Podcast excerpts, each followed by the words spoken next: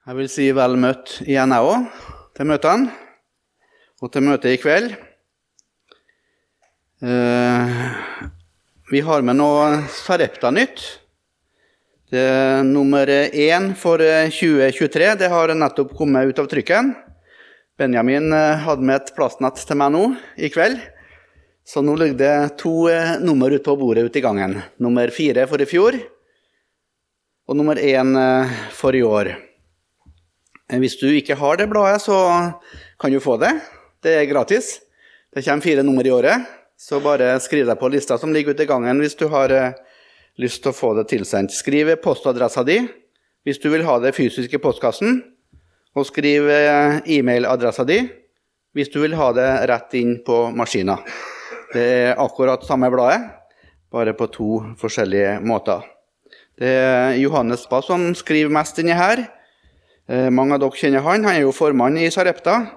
Og Jan Tore og, og Ole Andreas Meling skriver mye. og Jeg syns det er et godt blad. da. Og det gir en god innsikt i det arbeidet som Sarepta driver.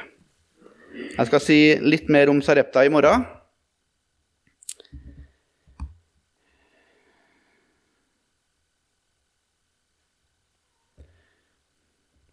Den sangen vi sang nå, 'La meg få høre om Jesus', har du vært med og sunget den før?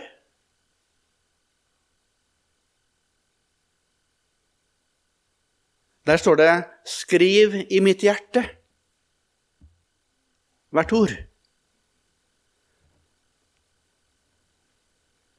Det er ei fin bønn.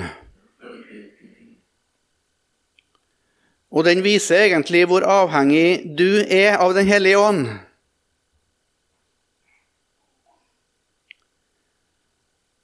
Men det viser kanskje enda mer hvor avhengig jeg er av Den hellige ånd, som står på herresida av talerstolen.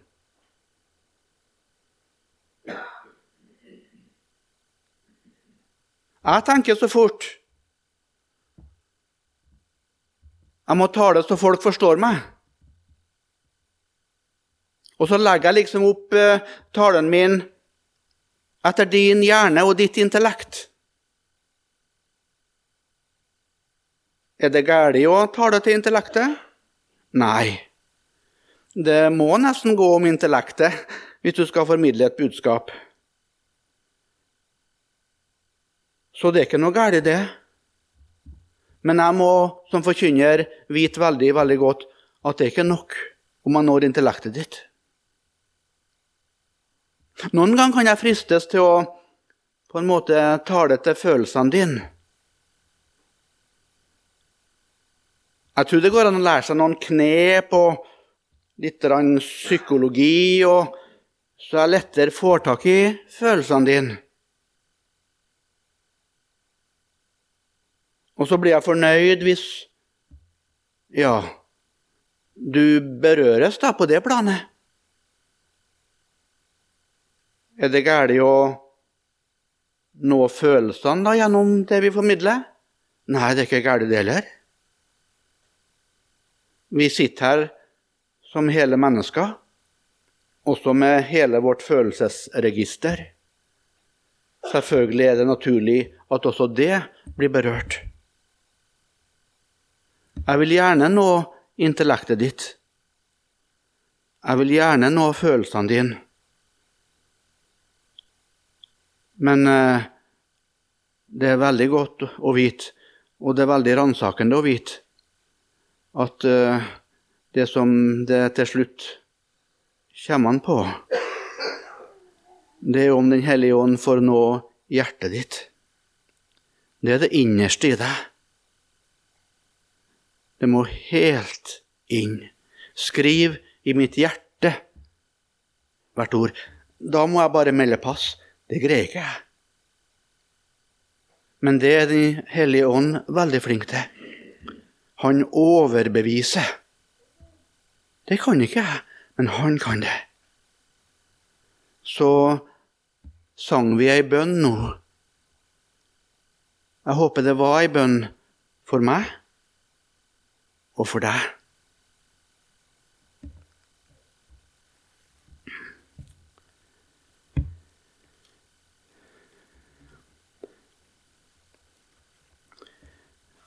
Jeg har ikke med noen tekst i dag.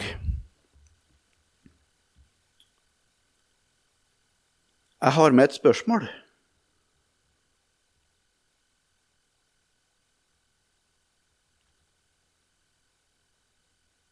Og det jeg skal si, håper jeg er svar på det spørsmålet.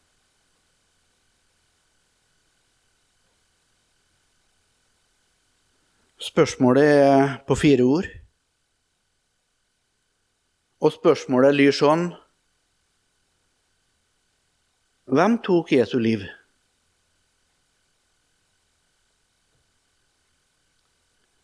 Vi er langt inn i fasten nå. Det er palmesøndag om to uker. Det er første påskedag om tre uker. Hvem tok Jesu liv?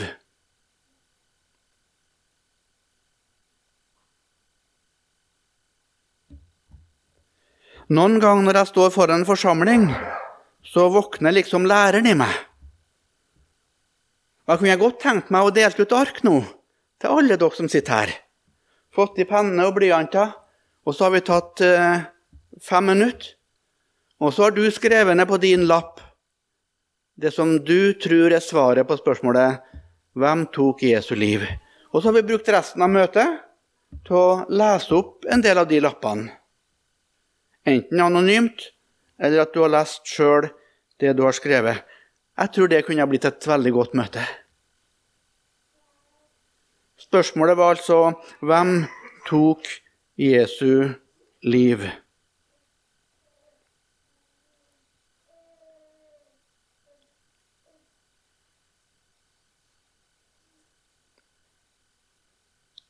Jeg sier ikke at jeg har eh, funnet alle svarene. Det har jeg ikke. Men jeg skal nevne fem svar som Bibelen gir på det spørsmålet.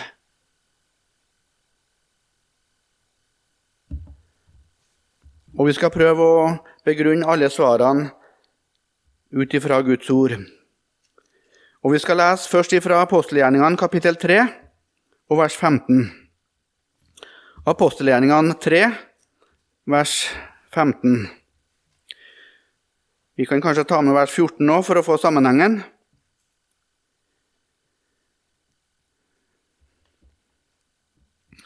Dette er en eh, mektig tale av apostelen Peter. Det er like etter pinsedag. Det er et ord som går på alles lepper i Jerusalem. Det er ordet om Jesus Kristus. Han er byens store samtaleemne. På, på, på, pinsedag ble det frelst flere tusen mennesker. Og det er vekkelsestider i byen. Og så står det i apostelgjerningene 3, 14 og 15.: Men dere fornektet den hellige og rettferdige og ba om at en morder måtte bli gitt dere men livets høvding drepte dere. Nå blir spørsmålet hvem er det Peter snakker til? Og adressen er veldig, veldig klar. Den står i vers 12. Israelittiske menn. Israelittiske menn, livets høvding, drepte dere.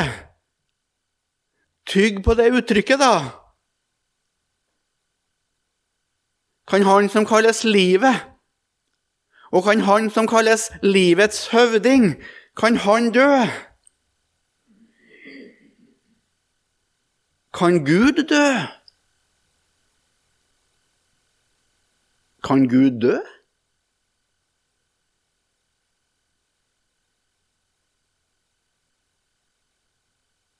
Kan Gud bli drept?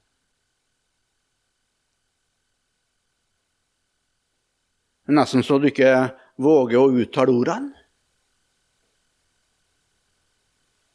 Det er en enorm snert i svøpeslaget som Peter sender ut her. Livets høvding drepte dere. Han som var hellig, han som var rettferdig. Og så ba de om å få en morder i stedet.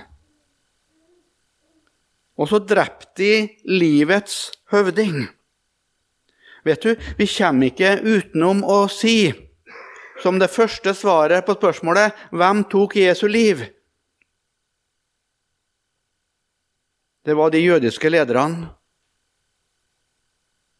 på Jesus samtid. Det var israelittiske menn. Jeg må si til meg sjøl, og jeg sier det til deg òg Jeg må ikke bli så begeistra for det jødiske folk at jeg ikke tør å lese Skriftens ord.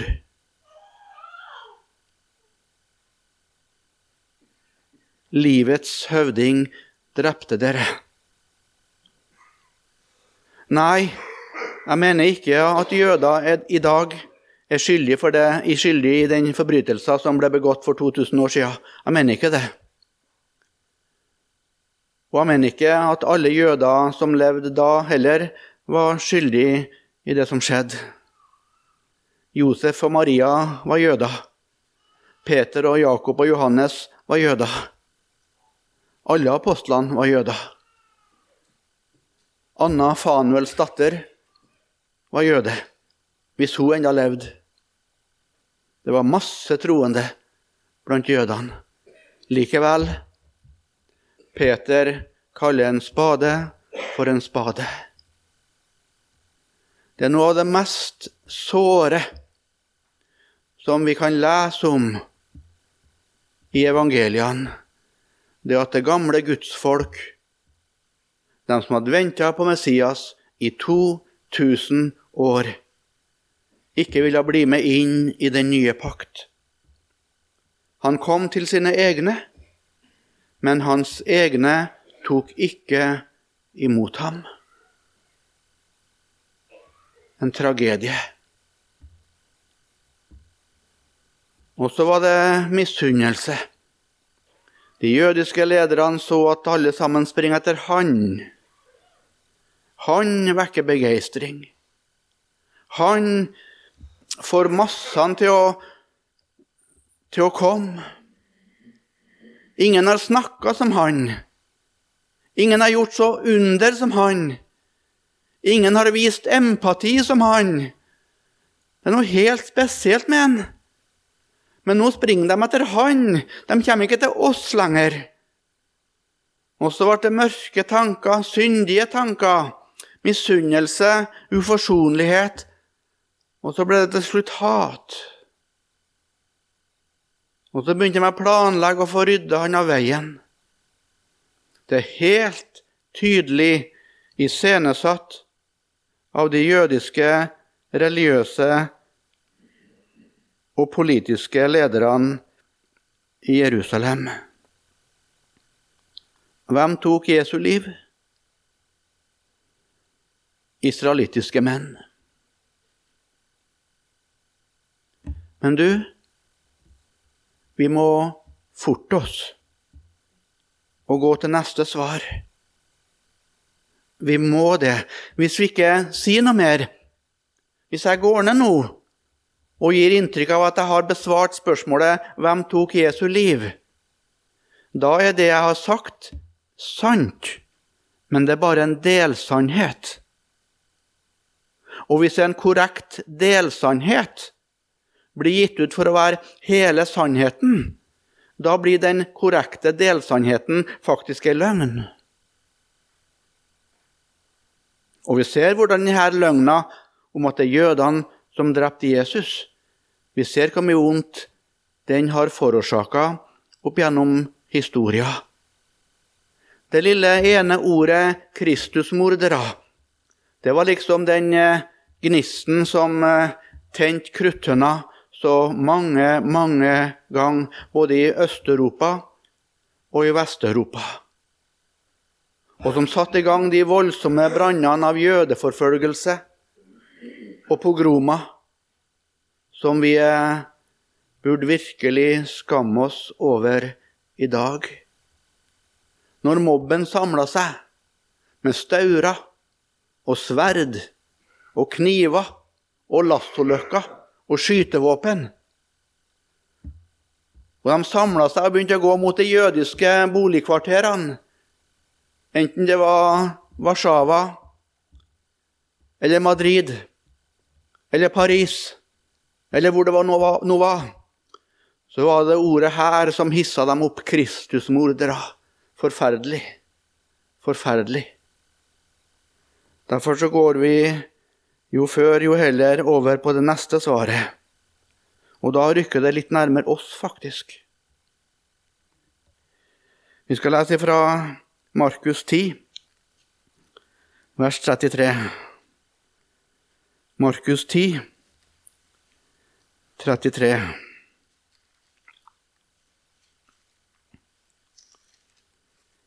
Det er jo en eh, fastetekst. Helt klassisk fastetekst. Jesus begynner sånn, se, vi drar opp til Jerusalem. Og menneskesønnen skal overgis til yppersteprestene og de skriftlærde. De skal dømme ham til døden. Ja, der er det igjen. De skal dømme ham til døden. Men vet du, Jødene hadde ikke myndighet til å sette en dødsdom ut i livet. Jødene var okkupert av romerne. Og det var romerne som tok alle store, viktige avgjørelser, også i Jerusalem. Det høye råd det var jødene sitt parlament. De hadde selvråderett i mange spørsmål. Det høye råd bestod av 70 medlemmer. Og alle medlemmene der, som var tilsvarer våre stortingsrepresentanter, da, de kaltes for rådsherrer. Nikodemus var en sånn rådsherre. Han var en av de 70. De kunne dømme til døden, men ikke sette dødsdommen ut i livet. De måtte gå til Pilatus, øverste administratoren som representerte Romerriket, og de skulle godkjenne eller ikke godkjenne dødsdommen. Ser du hvor nøyaktig Bibelen er? Vi sa den setningen i går òg, men her òg ser du at det er veldig, veldig nøyaktig. De skal dømme ham til døden og overgi ham til hedningene, altså romerne. De kunne ikke gjøre mer, jødene, enn å dømme ham til døden. Da stoppa deres myndighetsområde. Så måtte saken fram for dem som hadde myndighet. Når jødene drepte Stefanus, steinene da var det mot loven. Det var gatas parlament. Det var ikke riktig juss i den hendelsen der. Også da skulle de brakt Stefanus til Pontius Pilatus. De gjorde ikke det, men de gjorde det med Jesus, da. De skal dømme ham til døden og overgi ham til hedningene, altså romerne. Og de, altså romerne, hedningene, de skal håne ham og spytte på ham, hudstryke ham og slå ham i hjel. De skal slå ham i hjel. Romerne. Europeerne. Det romerske verdensriket. De var ei brutal makt. De var ei stygg og brutal kolonimakt. Veldig imperialistisk. Og de hadde, og har, ei lang, lang, lang, blodig historie. Både når det gjelder Israels land og det jødiske folk. Hvem tok Jesu liv? Jødene? Ja. Så skyldig at Peter sier det var de som drepte Jesus. Og samtidig det var iverksatt og utført av romerne. Enhver nasjon som praktiserer dødsstraff, har en måte å utføre den på. Når var det dødsstraff i Norge sist? Det var i forbindelse med krigsoppgjøret, slutten av 40-tallet. Henry Oliver Rinnan fra Levanger og Vidkun Quisling fra Valdres. De ble begge to skutt. Det var den norske metoden. Hvordan er det i Frankrike? Der er det giljotin. Ser du for deg den øksa som kommer nedover skråplanet der? Grekerne på Jesu tid, de hadde gifta. I Amerika så er det enten gift eller elektriske stol. Mange land har praktisert henging. Saudi-Arabia har halshogging. Og jødene hadde steining. Stefanus ble steina. Den mest grusomme måten å ta livet av en dødsdømt fange på, av dem vi har nevnt nå, det er uten tvil romerne sin måte. Korsfestelsen. Der kombinerer du avretting og tortur. Du dør over tid. Du dør over lang tid. Du dør over timer. Noen gang var forbryteren i live etter et døgn. Han levde kanskje mellom 30 og 40 timer, hvis han var i utgangspunktet sterk. Jesus døde etter seks timer, og alle var forundra over at han hadde dødd så tidlig. Han holdt ikke ut lenge.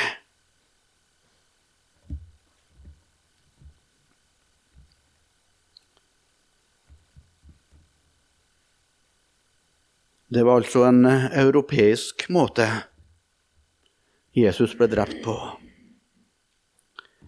Det var en eh, romersk mann som holdt i hammeren. Det var en eh, romersk hammer som drev inn de romerske naglene.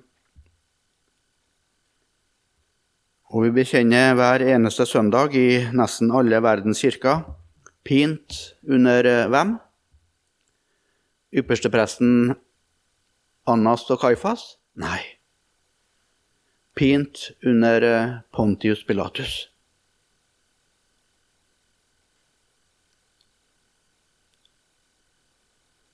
Hvem tok Jesu liv? Romerne. Ja. Men også jødene. Ja.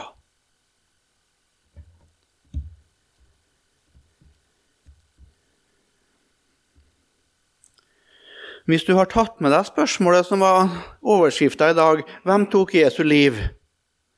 til en moderne rettssal og fått moderne eller dagens eh, advokater og sakførere til å se på saken. Da er nok de to svarene her de to svarene som på en måte dagens jurister har sentrert omkring. da.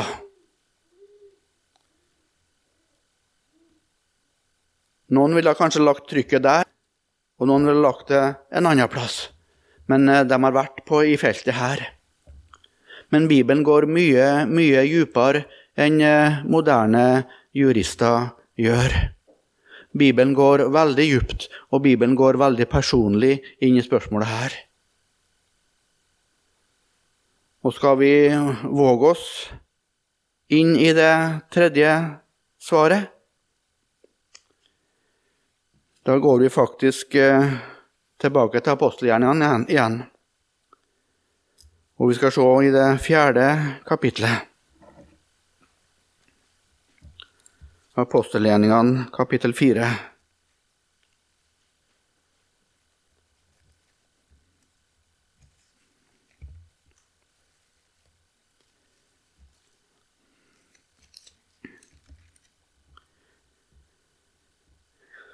Og vers 27. Ja, i sannhet. I denne by samlet de seg mot din hellige tjener Jesus, som du salvet. Både Herodes og Pontius Pilatus, sammen med hedningene og Israels folk. Det er det vi har snakka om nå. Her er hedningene nevnt ved sine ledere. Israels folk er også nevnt i samme verset. Det er helt tydelig at det er to helt forskjellige grupper som er nevnt der i vers 27. Men det står nå i vers 28 for å gjøre det som din hånd og ditt råd forut hadde bestemt skulle skje. Hvem si hånd og hvem sitt råd snakker taleren om her? Dette er ei bønn til Gud. Du beslutta noe. Du bestemte noe. De utførte, ja, men hvem sto bak? Hvem har regien?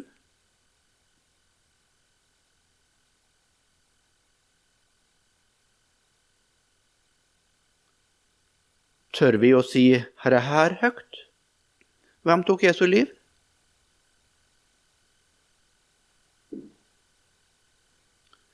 Bibelen tør det.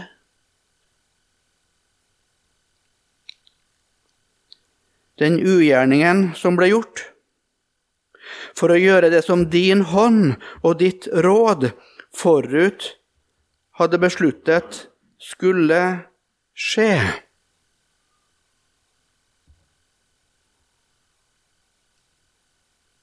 Det er ganske voldsomt. Skal vi gå til Gamle testamentet, Jesaja 53?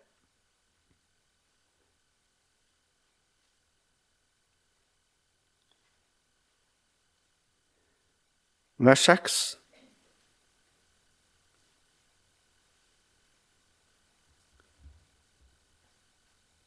Vi for alle vill som får. Vi vendte oss hver til sin vei. Og så kommer det Men Herren lot den skyld som lå på oss alle, ramme ham. Ham, det er Jesus. Her leser vi om at Jesus ble ramma. Hvem er det aktive subjekt i siste setningen? Hvem er det utøvende, handlende subjekt? Er det ikke Herren? Men Herren lot den skyld som lå på oss alle, ramme ham.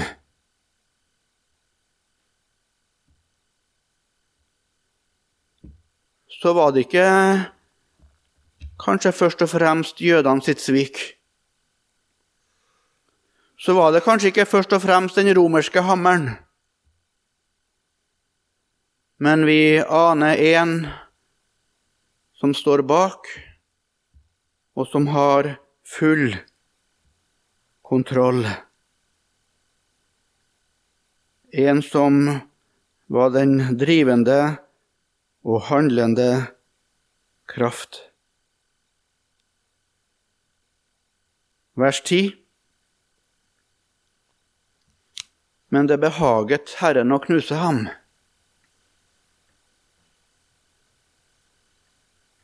Ja, det er nesten sånn at jeg er takknemlig for at det ikke er barn til stede. Men Bibelen våger å si det, da.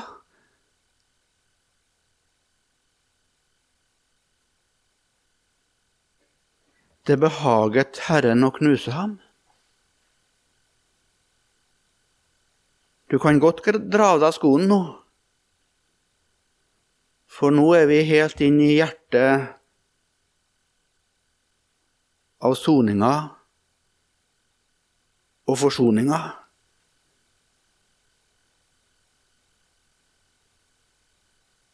Du som er far. Du som er mor,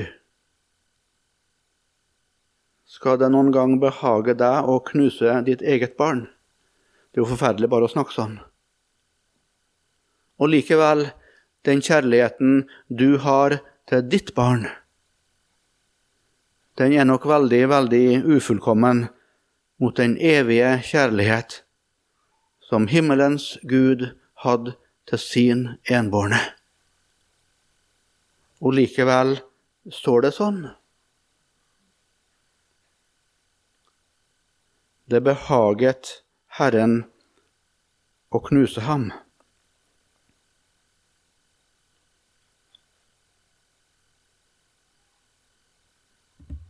Når jeg leser kapitlet om at eh, Abraham blir satt på prøve og blir bedt av himmelens Gud om å ta med sin sønn til Moria berg, og så ofrer han for Gud der på Moria berg, så blir jeg ikke overraska når jeg kommer til det verset der eh, Gud griper inn og stopper handlinga og sier, 'Abraham, Abraham, ikke legg hånd på gutten, og ikke gjør noe vondt.' Jeg blir ikke overraska, som sagt, men jeg merker liksom at jeg trekker et lettelsens sukk, sjøl om jeg visste det kom. Jeg gleder meg over at jo, å, så godt at han slapp. Han kunne spare sin sønn.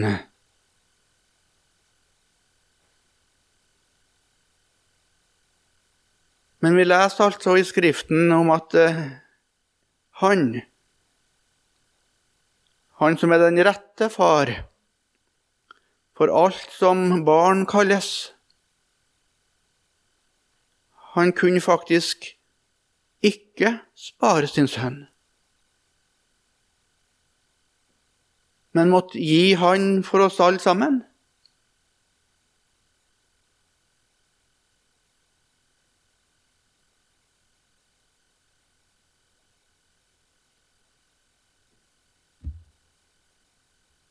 Forunderlige Gud. Forunderlige Guds plan. Forunderlige Guds evangelium. Vi forstår ikke så mye, men det aner oss litt hvor hellig Gud er, og hvor forferdelig og djevelsk synda er.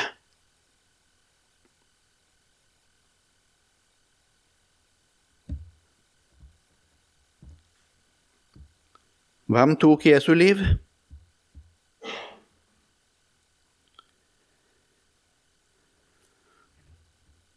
Vi har uh, sett på tre svar nå. Jeg vet ikke hvilke tanker du sitter med akkurat nå.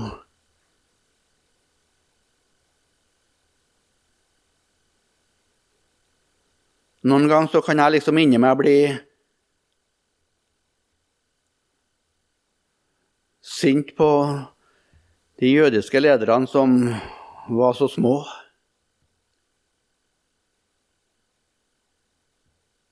Og jeg kan fylles med forakt når jeg hører om Pilatus som eh, var opptatt av sin karriere og var så fylt av menneskefrykt. Og et voldsomt svik på så mange plan.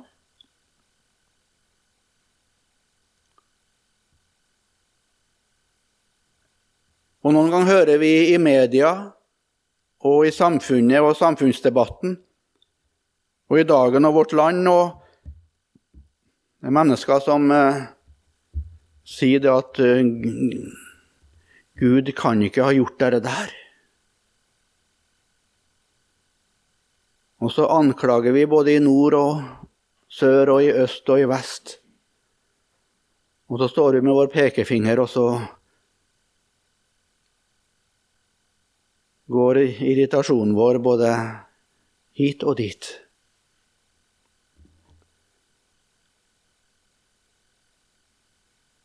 Vet du, når jeg retter pekefingeren min mot noen Da er handa mi sånn konstruert at uh, samtidig med at jeg peker mot enten jødene eller uh, hedningene, eller uh, noen ganger jeg mot Gud òg Handa mi er konstruert sånn at det samtidig er tre fingre som er pekende mot meg. da. Og da er vi over i det fjerde svaret.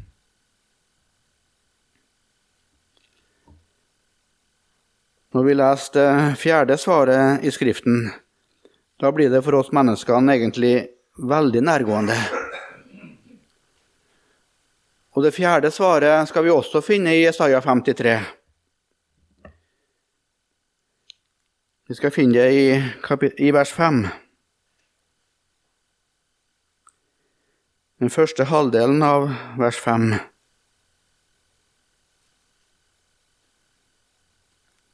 Og spørsmålet er enda det samme, altså. Hvem tok Jesu liv? Og her er fjerde svaret. Men han ble såret for våre overtredelser. Han ble knust for våre misgjerninger.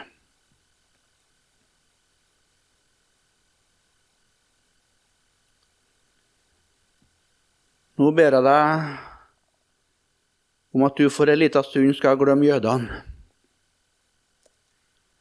og hedningene og ikke fokusere på at eh, Gud var regissøren heller. Men du skal innrømme det, du òg, at det er tre fingre som peker tilbake på deg sjøl. Han ble såret for. Det lille ordet 'for' der, det betyr egentlig 'på grunn av'. Han ble såra på grunn av våre overtredelser, og han ble knust på grunn av våre misgjerninger. Hadde det ikke vært for min synd, så var det ingen grunn til at Jesus trengte å komme til jord. Det var ingen grunn til at han trengte å gå opp til Jerusalem. Det var ingen grunn til at han eh, skulle la seg fange og la seg binde og la seg tortureres. Hvem tok Jesu liv? Den skyldige står faktisk her. Det var mine overtredelser og min synd som var den store, store årsak til at Jesus måtte gå den veien han gikk.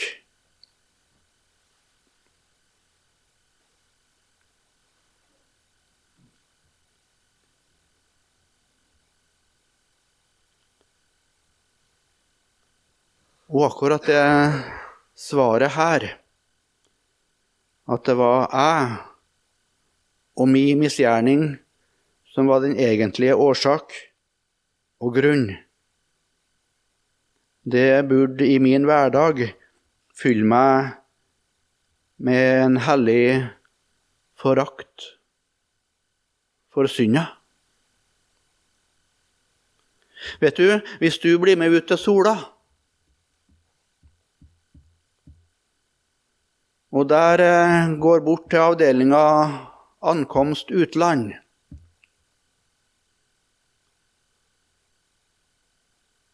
Og du er der for å ta imot en hjemkommen soldat fra Afghanistan.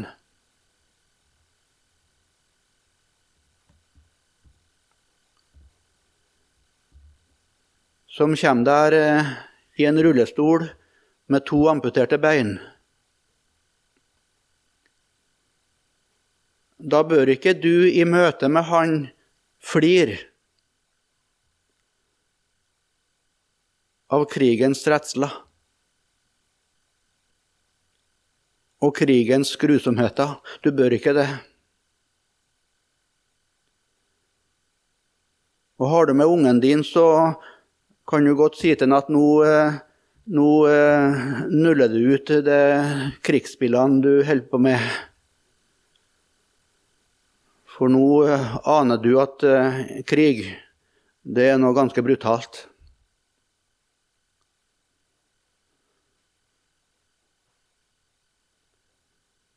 Det er noen som måtte gi en eh, voldsom pris for fredens skyld.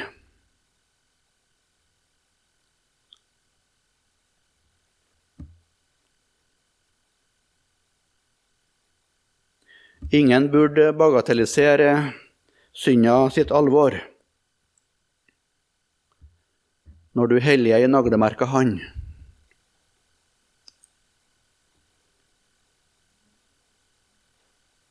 Og ingen burde tvile på Guds hellighet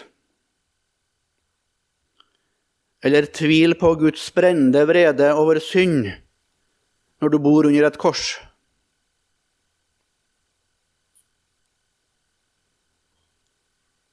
Og ingen burde sitte og la seg underholde av synd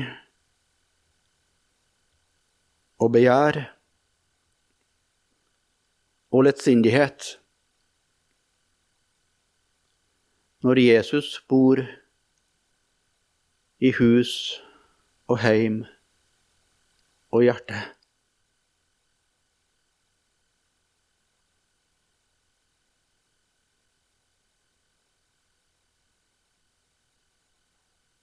La meg få tenke dine tanker, Jesus.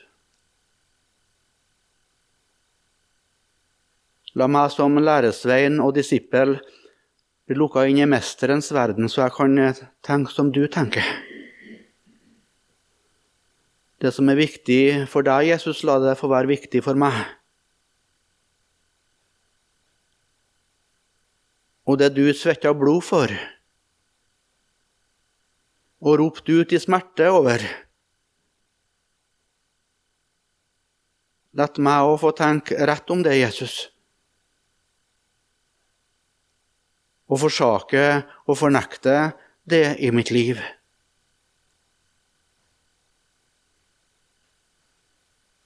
Gi meg dine tanker. La meg få din virkelighetsforståelse. Lukk meg inn i din verden.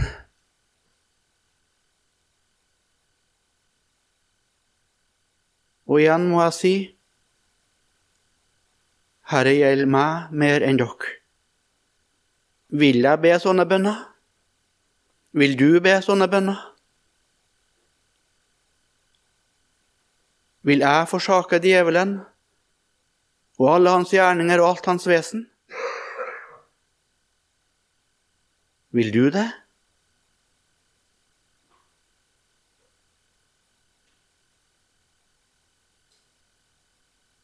Han har kalt oss til å gå i sine fotspor.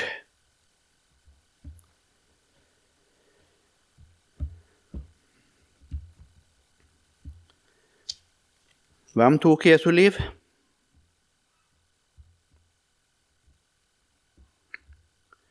Vi har gitt fire svar.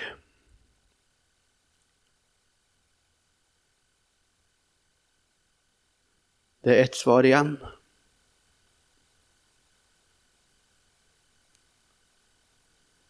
Det er det viktigste. Jeg vet ikke om det er rett å si det sånn, men eh, det kom nå ut sånn nå, da. Jeg tror kanskje det er det viktigste.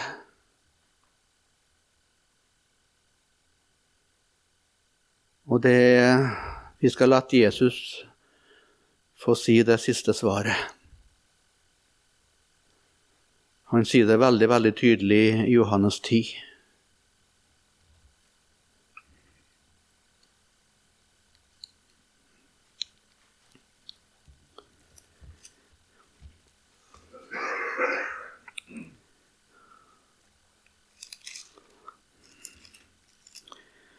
Johannes 10. Der snakker han i vers 17 om sitt liv. Og så sier han det i vers 18. Ingen tar det fra meg. Jeg setter det til av meg selv. Hvem tok Jesu liv? Hør! Ingen tok Jesu liv. Han satte til helt frivillig. Det er enormt stor forskjell på det å bli tatt livet av og det å gi sitt liv. Og I denne sammenhengen så er de to tingene så forskjellige som himmel og helvete. Jeg sier det rett ut. Hvis Jesus ikke ga sitt liv frivillig, så er ikke jeg frelst. Ikke du heller. Men bare fordi det var helt fritt og helt villig. Bare da var det et helt Gud velbehagelig offer. Bare da.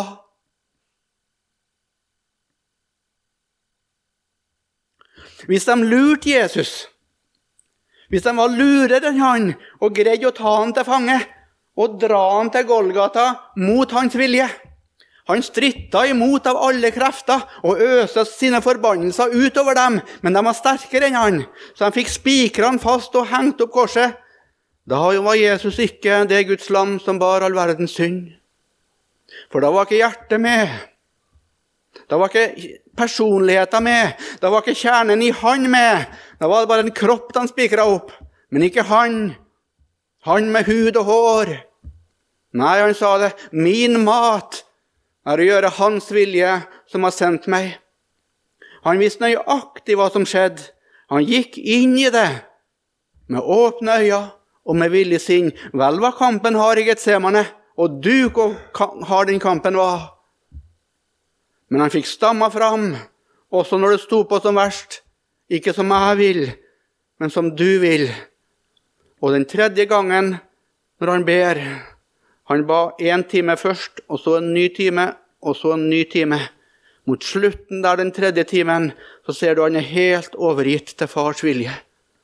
Og når han reiser seg da etter den tredje timen, da kikker han seg ikke tilbake. Da går han villig sine fiender i møte.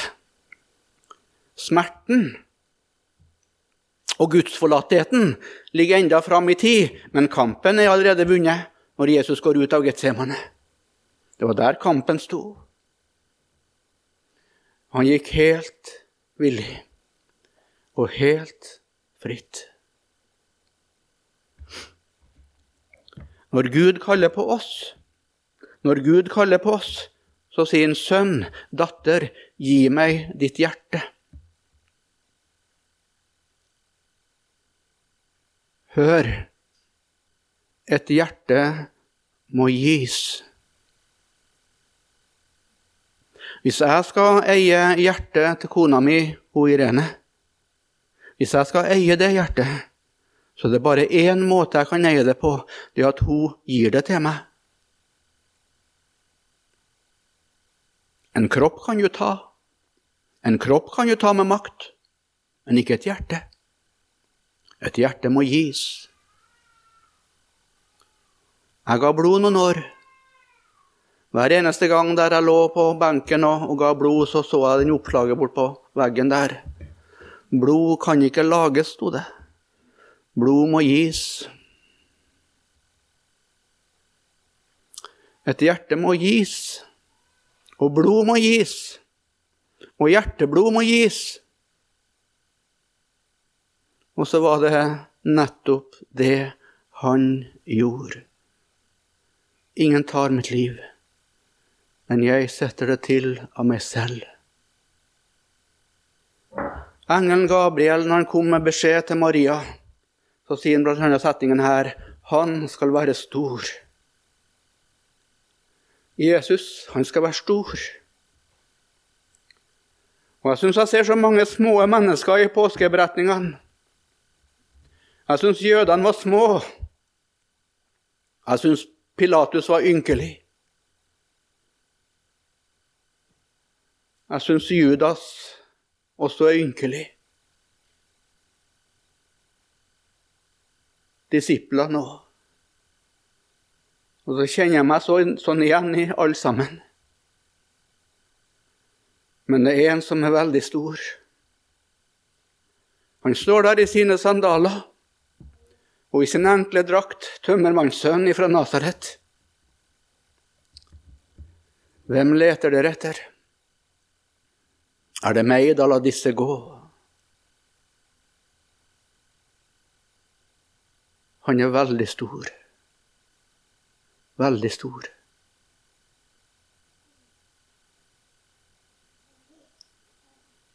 Det var én som var villig. Og dø i mitt sted, for at jeg skulle leve ved ham. Og så skal vi takke en hel evighet for det. Vil du være med å takke nå òg? Takken i ditt hjerte for det han ga så fritt og så fullkomment. Ja, kjære Jesus. Vi forstår så lite, men må du opplyse oss. Og så må du trekke sløret til sides, trekke gardina til sides, så vi kan se. Se med hele vårt hjerte, våre opplyste hjertets øyne, som det står. Og så bringes til ro ved det synet. Takk for at du kom, Jesus. Og så ber vi med sangeren. O, la aldri noensinne korsets tre meg gå av minne som deg frelsens fyrste bar. Men la kors og død og smerte tale, rope til mitt hjerte, hva min frelse kostet har. Du som kalken for oss drakk. Kjære Jesus, evig takk. Amen.